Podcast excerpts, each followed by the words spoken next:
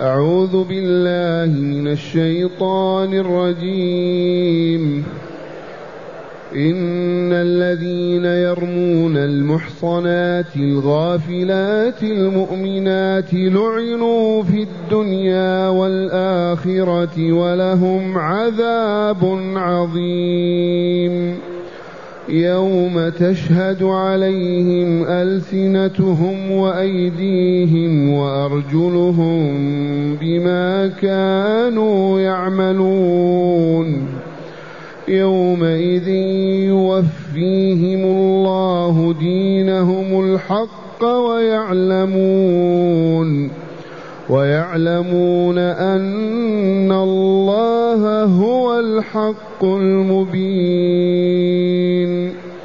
الخبيثات للخبيثين والخبيثون للخبيثات والطيبات للطيبين والطيبون للطيبات. أولئك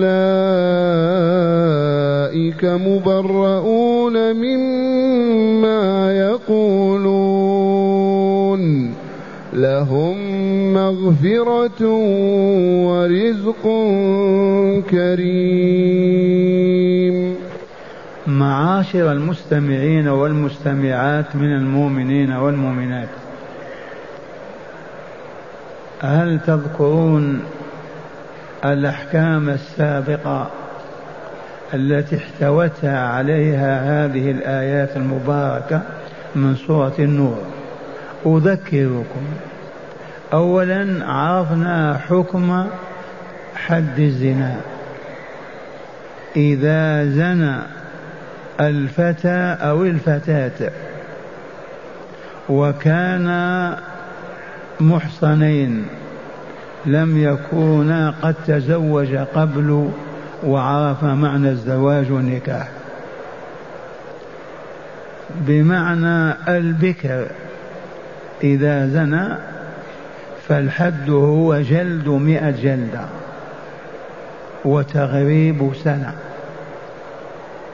الزاني والزانية فاجلدوا كل واحد منهما مئة جلدة. ولا تأخذكم بهما رأفة في دين الله إن كنتم تؤمنون بالله واليوم الآخر. وليشهد عذابهما طائفة من المؤمنين على الأقل أربعة رجال يقام الحد عليهم وهناك من يشاهد ذلك. سألني بالهاتف أحد السائلين يقول أحد التلامذة في الحلقة يقول إذا كان الفتى قد لاعب امرأة عانقها يقام عليه الحد كحد الزنا. أنا ما قلت هذا. الزنا يثبت بشهادة أربعة شهود أو باعتراف الزاني أو الزانية. إذا اعترف وقال زنيت لا نطالب بالشهادة نقيم عليه الحد حتى يطهر ويصفو والفتاة كذلك. أما إذا لم يلج الذكر في الفرج كالميوت في المغزلة كما يقولون فلا فلا حد. ثانيا الآية الكريمة تندد بالزنا وتقبحه وتنفر منه. ويقول لا يزني إلا من كان زانيا. الزاني لا ينكح إلا زانيا والزانية لا ينكح إلا زان أو مشرك. وفي هذا تنفير تمام التنفير الزاني لا ينكح إلا زانية مثله أو مشركة والزانية لا ينكح إلا زاني مثله أو مشرك والعياذ بالله. وحرم ذلك على المؤمنين. ثالثا الذي يرمي مؤمنا أو مؤمنة يقول فلان زنت أو فلان يزني. عليه أن يحضر أربعة شهود على دعواه. فإن عجز يقام عليه الحد وهو جلد ثمانين جلدة يجلد ثمانين جلدة وتسقط عدالته ولا يصبح ذا عدل وعدالة بيننا حتى يتوب وتظهر توبته وتشيع بين المواطنين. رابع الأحكام إذا رمى الرجل امرأته بالزنا الزوج قال زوجته زنت أو قال الولد الذي في بطنها ليس مني. هنا الحكم هو حكم الملاعنة. اللعان يحضران أمام القاضي وفي المسجد وعند المحراب أيضا ويشهد يقول أشهد بالله لا زنت امرأتي. أربع مرات الخامس يقول لعنة الله علي إن كنت من الكاذبين.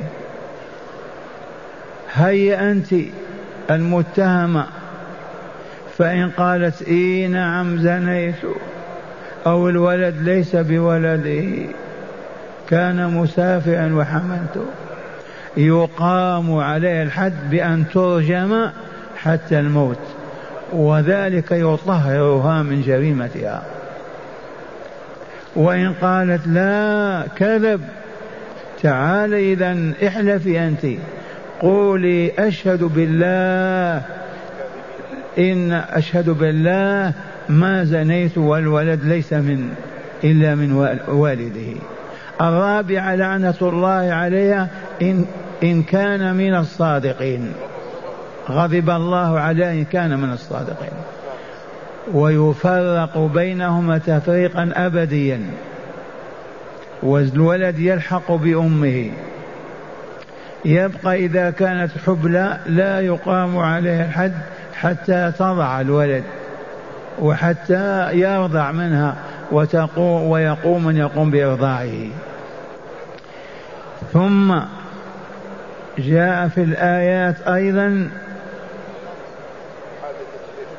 حادثة الإفك المريرة وهي أن عبد الله بن أبي بن سلول رئيس المنافقين لعنة الله عليه اتهم صفوان بن معطل أنه فجر بأم المؤمنين عائشة. وعرفنا العوامل والأسباب في الآيات. وأكذبهم الله أكذب الذين رددوا هذه الفرية وتناقلوها من بيت إلى بيت حتى بلغوا عشرة أنفار. لكن أربعة منهم أقيم عليهم الحد لأنهم تبجحوا ونطقوا وهم أولا حسان بن ثابت شاعر الرسول صلى الله عليه وسلم. ثانيا مصطح ابن ثاثة ابن خال أبي بكر رضي الله عنه ابن خالته وحمل بن جحش وبقي المنافق هل أقيم الحد أو لا ينفع الحد لأنه من أهل النار فما أقيم عليه. ثم جاء بعد ذلك التنديد بهذه الحادثة. إذ تلقونه بألسنتكم وتقون بأفواهكم وتحسبونه هينا وهو عند الله عظيم ولولا إذ سمعتموه قلتم ما يكون لنا أن نتكلم بهذا؟ سبحانك هذا بهتان عظيم يعيدكم الله أن تعودوا لمثله أبدا. هذه كانت في حادثة الإفك. والآن مع قول ربنا جل جلاله وعظم سلطانه إن الذين يرمون المحصنات الغافلات المؤمنات يرمونهم بماذا؟ بالحجارة بالعصي بالرصاص. يرمونهم بالكلمة الباطلة الكاذبة بكلمة الزنا والفجور واللواط والعياذ بالله تعالى. اسمع هذا الخبر. إن الذين يرمون المحصنات الغافلات المؤمنات لعنوا في الدنيا والآخرة ولهم عذاب عظيم. ومن هنا ما بقي مؤمن يقوى على أن يقول كلمة فاحشة ويصف بها إنسان من الناس. إن الذين يرمون المحصنات الغافلات المحصنات العفيفات الطاهرات لعنوا في الدنيا والآخرة ولهم عذاب عظيم. وعلى رأسهم ابن أبي رئيس المنافقين إذ هو المقصود بهذا. فلهذا لم يقام عليه الحد ولا تنفع توبة ولم يتب. يوم تشهد عليهم ألسنتهم وأيديهم وأرجلهم بما كانوا يعملون يومئذ يوفيهم الله دينهم الحق ويعلمون الله حق المبين. الخبيثات للخبيثين. والخبيثون للخبيثات والطيبات للطيبين والطيبون للطيبات. هنا هذه الآيات تحمل وجهين مشرقين نيرين. أولا قوله تعالى الخبيثات أي من الكلمات الخبيثات من الأقوال. للخبيثين من الرجال من الناس. للخبيثين من الناس. والخبيثون من الرجال للخبيثات أي الكلمات الخبيثة لهم. والطيبون من الكلمات للطيبين من الرجال. والطيبات والطيبون من الرجال للطيبات من الكلام. هذا الوجه الأول وعليه ابن جرير. والوجه الثاني وهو أن هذه نزلت في براءة أم المؤمنين رضي الله عنها. فقال تعالى الخبيثات من النساء للخبيثين من الرجال. وهل رسول الله كان خبيثا حتى تكون زوجته خبيثة؟ هل مصطح هل مصطح ابن صفوان بن مصطح كان خبيثا؟ الخبيثات للخبيثين والخبيثون للخبيثات ذي سنة الله وذا حكم وقضاؤه والطيبات للطيبين والطيبون للطيبات. أولئك مبرؤون مما يقولون. أولئك مبرؤون مما يقول. من هم؟ صفوان ابن مصطح بن صفوان بن مصطح ابن معطل وعائشة أم المؤمنين رضي الله تعالى عنها وأرضاها. ومرة ثانية معنا حضور هذه القضية قضية الإفك سببها لما خرج الرسول صلى الله عليه وسلم في غزوة من الغزوات. في مكان يقال له مريسيع ما هناك. ولما أقفلوا راجعين أم المؤمنين عائشة رضي الله عنها فقدت سوار عقدها إذ ذهبت تتبرز فسقط منها. فلما فقدته رجعت تبحث عنه. فلما رجعت وجدته أو ما وجدته رجعت المكان وجدت القافلة مشت المعسكر مشى. فجلست تنتظر لعلهم يبعثون من يأخذها. بقي تنتظر حتى جاء صفوان ابن معطل وكان من الساقة. من الذين يجعلهم الرئيس أو القائد أو الرسول آخر المعسكر يتتبعون من من يمرض من يسقط من كذا من كذا. فلما رآها من بعيد عرفها. فقال إنا لله وإنا إليه راجعون فاسترجع. وقالت هي حسبي الله ونعم الوكيل. وسترت وجهها وجاء فحملها. أناخ راحلته حمل عليها وقاد الراحلة. لما وصل إلى المعسكر وقد نزل وخيم قال ابن أبي والله ما نجت منه ولا نجا منها. لعنة الله عليه. حلف بالله ما نجت منه وكان منافقا يريد الفتنة بين المسلمين. ونقل الخبر جماعة وما من حقهم وأدبهم الله. ما من حقهم أن يقولوا هذه الكلمة أبدا. اسكت يا كاذب. لكن تناقلوا وانتشرت وأصاب رسول هم وغم والصديق والأسرة كلها والمؤمنون. عائشة ما ما درت ولا سمعت. لما بلغ كذا وكذا أغمي عليها. إذا الآيات التي بين أيدينا تقول إن الذين يرمون المحصنات العفيفات الطاهرات بفاحشة الزنا أو يرمون الرجال بفاحشة الزنا ما في فرق بين المحصنات والمحصنين. وكذلك بفاحشة اللواط.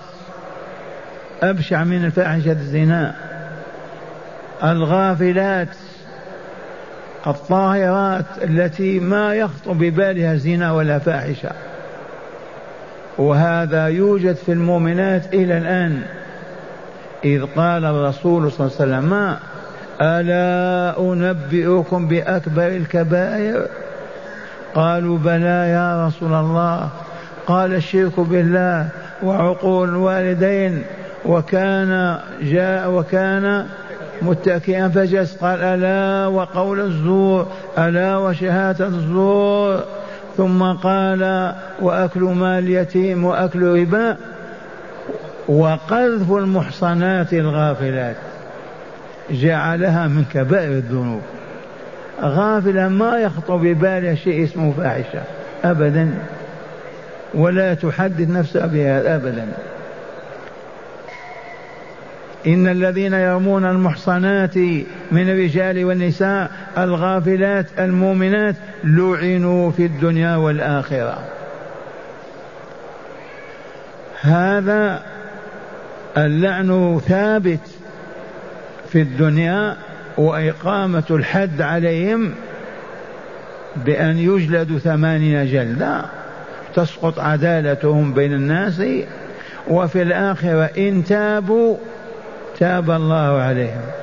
وإن أصروا واشتهروا بهذه الفاحشة وماتوا عليها فلهم عذاب دائم عظيم يوم القيامة. يومئذ وهنا كما قلت لكم أول من يدخل في هذه الآية ابن أبي عليه لعائنة لعائن الله. إن الذين يرمون المحصنات الغافلات المؤمنات عائشة لعنوا في الدنيا والآخرة ولهم عذاب عظيم. إيه يا ابن أبي لعنة الله عليه. ثم قال تعالى يوم تشهد عليهم ألسنتهم. هذا عام يقف بين يدي الله. انطق هل زنيت؟ ما يستطيع. ينطق لسانه بدون إرادته. تشهد عليهم ألسنتهم وأيديهم ماذا فعلت وأرجلهم إلينا إلى أين مشت. جوارحهم تنطق وتفضحهم أمام الله عز وجل. يوم تشهد عليهم ألسنتهم وأيديهم وأرجلهم تشهد بما كانوا يعملونه. من الشر والفساد والخبث وخاصة الزنا واللواط والعياذ بالله تعالى وحمل الغيبة والنميمة ونشرها بين المجتمعين. فلهذا مجتمعنا الإسلامي ما تسمع فيه كلمة زنا أبدا لأن هذه الكلمة من أخبث الكلام لما تجرهم بلاء وفساد. حسبنا أن من قال فلان زنى أو زنت إما أن يأتي بأربعة شهود ومستحيل أن يأتي بهم. أو يكشف ظهره ليجلد ثمانين جلدة وتسقط عدالته بين الناس ما نلتفت إليه. أصبح خسيسا نابطا. حتى ما يجرؤ مؤمن ولا مؤمنة أن يقول الفاحشة وينطق بها. يومئذ يوفيهم الله دينهم الحق الثابت عليهم ويجزيهم به. يومئذ يوفيهم الله دينهم الحق أي الجزاء الكامل الثابت ويعلمون عندها أن الله هو الحق المبين. هذا يوم القيامة.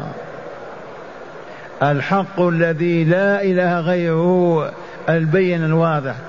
أنه الحق أيضا الوجود الثابت لم يسبقه وجود ولا عدم بل هو الذي أوجد الوجود والعدم. ثم قال تعالى هنا قلت لكم وجهان مشرقان. هيا بالوجه الأول نقول الخبيثات من الكلمات وهي الرمي بالفاحشة للخبيثين من الرجال. والخبيث والخبيثون من الكلمات للخبيثات من من النساء. والطيبات للطيبين والطيبون للطيبات. هذا الوجه قاله أهل التفسير والوجه الثاني الخبيث من الرجال الخبيثات من النساء والخبيثات من النساء الخبيثين من الرجال. الزاني والزانية. والطيبون من الرجال الطيبون للنساء والطيبات من النساء الطيبين من الرجال. ومن هنا أسقط الله تلك التهمة ومحاها محوا أبديا. هل تعقل أو يعقل أن يقال محمد خبيث لأن امرأته خبيثة أعوذ بالله. كفر من قال هذا. فلهذا نبهنا إخواننا الذين ينتسبون إلى الشيعة بأن هذه الفتنة دائرة بينهم يجب أن يمحوها محوا من صدورهم ومن كتبهم. برأ الله أم المؤمنين بهذه الآية ثلاثين آية. من أجلها نزلت هذه الآيات. فالذي يقول عائشة زنت أو زانية والله ما بقي له إسلام ولو صام وصلى ألف عام. كفر. وقد قدمنا هذا الحكم. من من سب صحابيا قال مالك يقام عليه الحد ومن سب من عائشة كفر. لأن الله برأها في كتابه بثلاثين آية من كتابه واسمعوا آخر ما فيها. أولئك مبرؤون مما يقولون. لهم مغفرة ورزق كريم أي الجنة. وهنا ميزة لعائشة رضي الله عنها.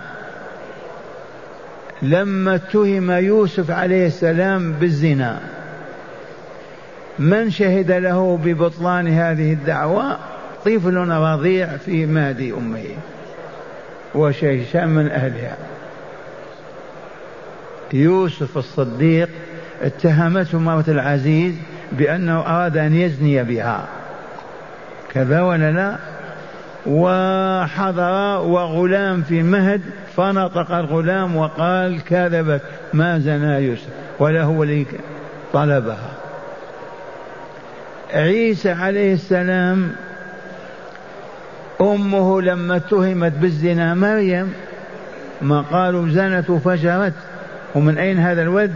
أنطق الله عيسى وهو رضيع وبرأ أمه وعائشة أم المؤمنين برأها الله. أعظم من الطفل في المهدي وأعظم من عيسى النبي.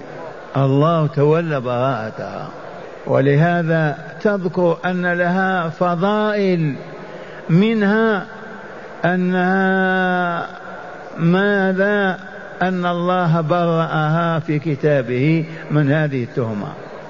ثانيا أنها بنت خليفة رسول الله وصديقه. ثالثا أن الرسول ما تزوج بكرا إلا هي. تسع نساء ما تزوج واحدة بكرا إلا عائشة. من هذه الفضائل لما جاء جبريل بصورتها في راحته لمحمد ليتزوج عائشة. ما كان هذا ليقع لأحد. منها أن النبي إذا جاءه الوحي يبتعد عنه نساءه وعايش الوحي وهو في فراشها ينزل عليه وهو في فراشها ملتحب بلحافها. من فضائلها عليه السلام أن الرسول توفي ورأسه في صدرها. من فضائلها أنه دفن في بيتها قبر في بيتها. تسع فضائل. ومع هذا كيف يستسيغ شخص يدعي الإسلام ويصلي ويصوم ويقف هذا الموقف اتباعا للمغالطين والمدجالين ويقول عائشة ارتكبت الفاحشة فلهذا نلعنها. أعوذ بالله أعوذ بالله كيف خدعوهم غروا بهم ضللوهم؟ وهذا كتاب الله بين أيدينا. اسمع هذه الآية الكريمة الخبيثات لمن؟ للخبيثين. إذا عائشة خبيثة الرسول خبيث. أعوذ بالله. والطيبات للطيبين. نعم عائشة الطيبة لمحمد الطيب. أولئك مبرؤون مما يقولون. أي أولئك المفترون الكذابون أو المشيعون للفاحشة. لهم مغفرة ورزق كريم. هذا الصك الإلهي لعائشة قالت أنا في الجنة مبشرة بالجنة. وإليكم شرح هذه الآيات من الكتاب. قوله تعالى إن الذين يرمون المحصنات الغافلات المؤمنات لعنوا في الدنيا والآخرة. هذه الآية وإن تناولت ابتداء عبد الله بن أبي فإنها عامة في كل من يقذف مؤمنا مؤمنة محصنا أي عفيفة غافلة لسلامة صدرها من الفواحش لا تخطر ببالها. لعنوا أي أبعدوا من الرحمة الإلهية في الدنيا والآخرة ولهم عذاب عظيم في الدنيا بإقامة الحد عليهم وفي الآخرة بعذاب النار. وذلك متى يتم يوم تشهد عليهم ألسنتهم وأيديهم وأرجلهم بما كانوا يعملون؟ يعملون من سوء الأفعال وقبحها. وقوله تعالى يومئذ يوفيهم الله دينهم الحق. أي يتم ذلك يوم يوفيهم الله دينهم الحق أي جزاءهم الواجب عليهم ويعلمون حينئذ أن الله هو الحق المبين أي الإله الحق الواجب الإيمان به والطاعة له والعبودية لكماله لكمال لكماله نعم والطاعة له والعبودية الكاملة له لا لغيره من سائر المخلوقات. وقوله تعالى الخبيثات للخبيثين أي الخبيثات من النساء والكلمات للخبيثين من الرجال كابن أبي والخبيثون للخبيثات أي والخبيثون من الرجال الخبيثات من النساء والكلمات كذلك. وقوله والطيبات للطيبين أي والطيبون من النساء والكلمات للطيبين من الرجال كالنبي صلى الله عليه وسلم وعائشة رضي الله عنها. وقوله الطيبون للطيبات أي والطيبون من الرجال للطيبات من النساء والكلمات تأكيد والكلمات تأكيد للخبر السابق فقط. أعيدت للتأكيد.